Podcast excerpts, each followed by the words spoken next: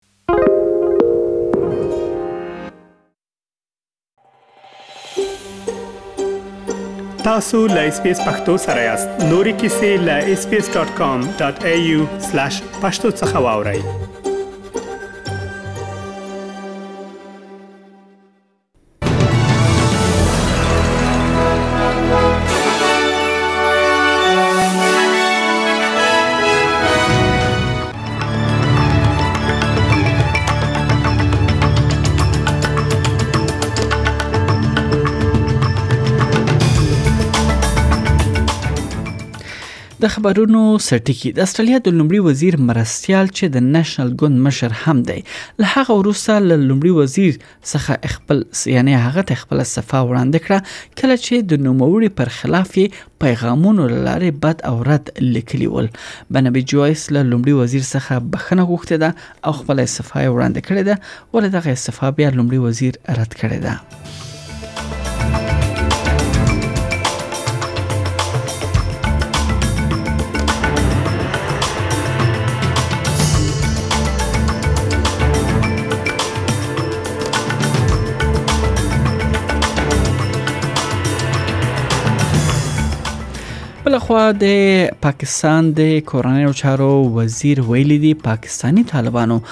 افغانستان کې د ناټو پاتې شویو وسلو ته لاسرسی پیدا کړی دی چې د پاکستان لپاره یو ستر ګواښ ګڼي بلخوا بې پولي خبريالانو ټولنه وایي چې طالبانو تر واکمن کېدو وروسته 50 خبريالان نیول شوي دي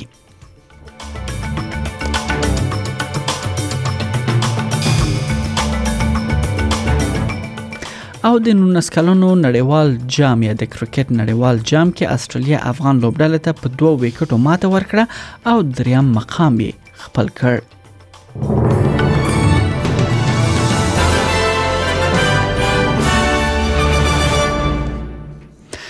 دا هم بشپړ خبرونه د استرالیا د لومړي وزیر مرستیال بنبي جویس چې د نېشنل ګوند مشر هم دی له هغه وروسته له لومړي وزیر ته د خپل استعفا وړاندې کړه کله چې د نوموړي پر خلاف یې پیغامونو لارې بد او رد لیکلی ول نو موري خپل مشر یعنی لومړي وزیر ته منافق او دروغجن ویل دي نو موري د پارلمان یوې کارکونکو بریتنا یا بریتنی هیګن ته چې پرې پارلمان کې جنسي تیری شوی وو یو پیغام کې د لومړي وزیر په اړه منفي خبرې کړې دي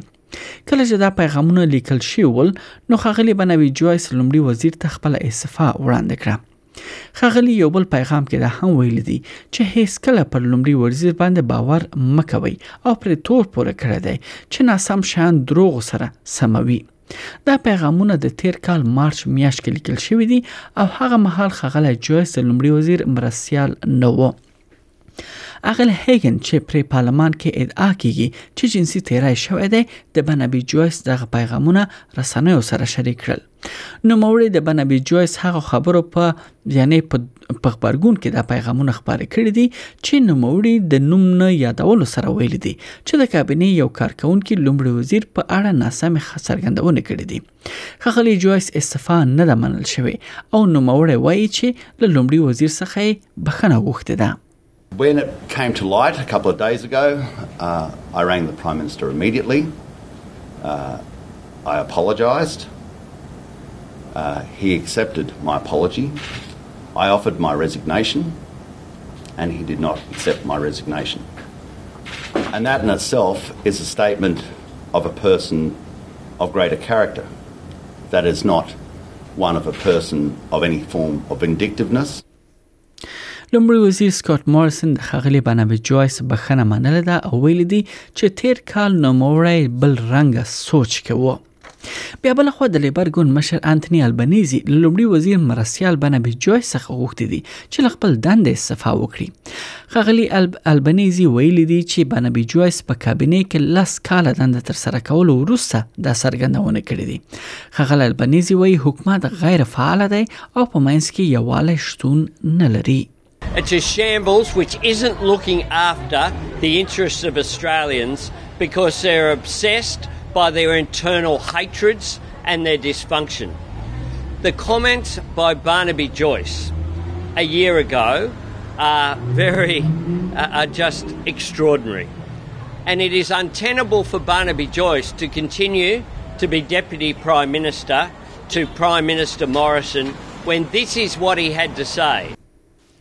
بل خبر له پاکستان څخه دی په بلوچستان کې د خونړیو نښتو وروسته د پاکستان د کورنیو چارو وزیر وایي چې پاکستانی طالبانو په افغانستان کې د ناتو ځواکونو څخه پاتې شو عصري وسلو ته لاسرسي پیدا کړی دی او پر راتلونکي کې به پاکستان کې د زیانونو یا د زیاتو بریدونو احتمال شته دی دغه پاکستاني مقام ادعا کړې ده چې ترهګر د افغانستان د خاورې څخه پاکستان ته ننوځي او د بریدونو وروسته بیرته هغه هیواد ته اوړي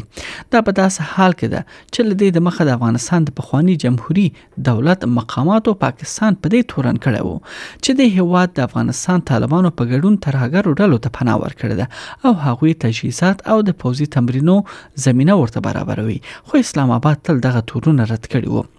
افغان طالبان هم ویلي دي چې هیڅ یوې ډلې ته اجازه نه ورکوي چې د افغانستان له خاورې څخه د نورو هیوادونو پر ضد ترې استفاده وکړي د پاکستان د کورنۍ چارو وزیر شیخ رشید احمد وویل چې د افغان د حکومت د هڅو سره سره د پاکستان طالبانو سره مذاکره کامیابیدونکې نه ده اوس باید د هغوی پر وړاندې جګړه وشي او له دې پرته بل لار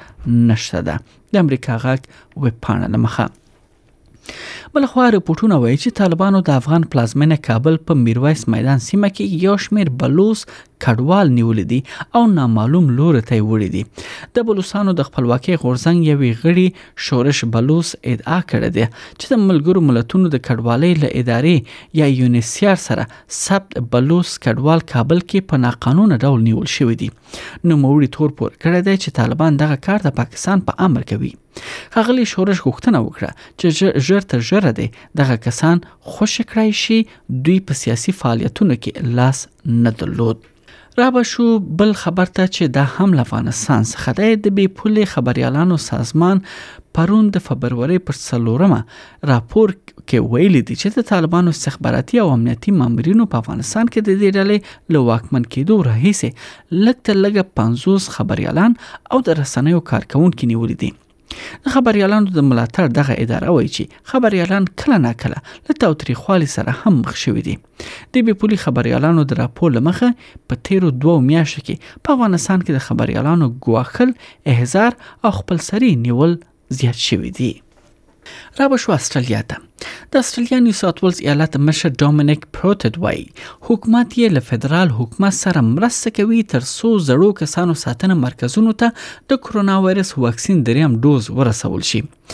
د استرالیا دفاع وزیر پیټر ډاټن ویلي دي که چیرې زړو کسانو مرکزونو کې د کارکونکو کمی بحراني حالت غوره کړي نو د استرالیا پوځیان به کاري تشې ډکولو لپاره وسول شي ولې سره لدی چې د زړو کسانو مرکزونو مشرانو د یاد پریکړه هرکلی کړی دی د استرالیا لومړي وزیر بیا ویل دي چې د استرالیا پاوز دی لپاره نه دی چې کاری تشې ډکې کړي د نیو ساوث ولز ایالت مشر خغلی پروتت ویل دي سره لدی چې د زړو کسانو مرکزونو چاره د فدرال حکومت په اوګه دي ولې د نیو ساوث ولز ایالت حکومت مرسته کولو ته چمتو دی We know that um, the booster shots uh, rate in aged care facilities is not where it should be. Now, it's a very complex area as well. It's not easy, and um, as I've always said, any support the state can provide uh, to assist the federal government, we will. بلخوا د نیو ساوت ویلز ایالت د کرونا وایرس په اړه معلومات دا دي چې په تیرو څلوریو ساعتونو کې یاد ایالت د کرونا وایرس له امله د مړو کسانو اتلس پیښې ثبت کړې دي د نیو ساوت ویلز ایالت په تیرو څلوریو ساعتونو کې 8309 اتیا د کرونا وایرس نوې پیښې ثبت کړې دي چې په هغه کې 15300 د پی سی آر یا چټکې معاینې څخه ترلاسه شوې دي او 3009 اتیا بیا البته د چټکې معاینې څخه 3009 اتیا ترلاسه شوې دي بیا د پی سي آر له معاینې څخه 15300 ترلاسه شوې دي دا مهال 2310 کسان په روغتونو کې بستر دي چې په هغو کې 152 عاجله څنګه کې درملنه لاندې دي بیا ویکټوریا ایالت په تیرو سلیری ساعتونو کې د کرونا وایرس لامل د یو سلوي کسانو مړینه ثبت کړې ده په یاد ایالت کې 2810 کسان په کرونا وایرس اخته شوې دي او 680 کسان په روغتون کې درملنه لاندې دي له هغه څخه اتیا په عاجله څنګه کې درملنه لاندې دي او یو دیر شی بیا وینټیلاتورونو باندې دي د نیو ساوت ویلز ایالت مشر ډومینیک پیروتید اعلان وکړ چې په هاربر برج یا هاربر پل باندې به د ابروجینل یا د استرالیا اصلي اوسیدونکو بیرغ هغه تلپاتې راپاندوي لدې وړاندې داسې نو شوی ولې د لومړي د د نیو ساوت ویلز ایالت مشر دغه اعلان وکړ چې دغه بیرغ به تلپاتې حالت را پاندوي په خاله دې څخه دغه بیرغ به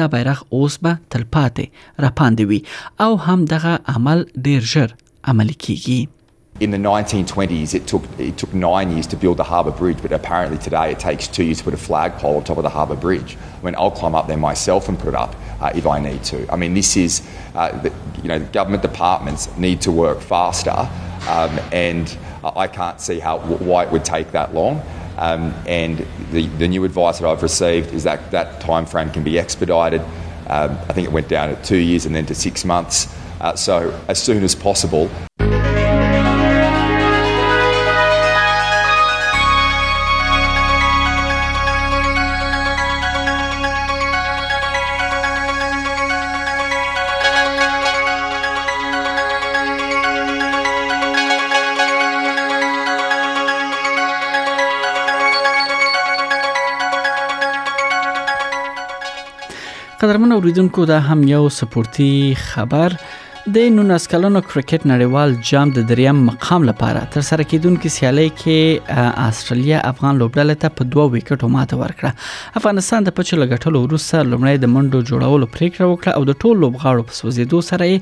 مقابل لور ته یعنی 202 منډو هدف وټاکه ولې د دوو ویکټو یا د اتو کسانو په سوځیدو سره استرالیا د هدف ترلاسه کړ او لوبه یې وګټله لدې سره افغانستان څلورم مقام خپل کړ بل دا چې د استرالیا د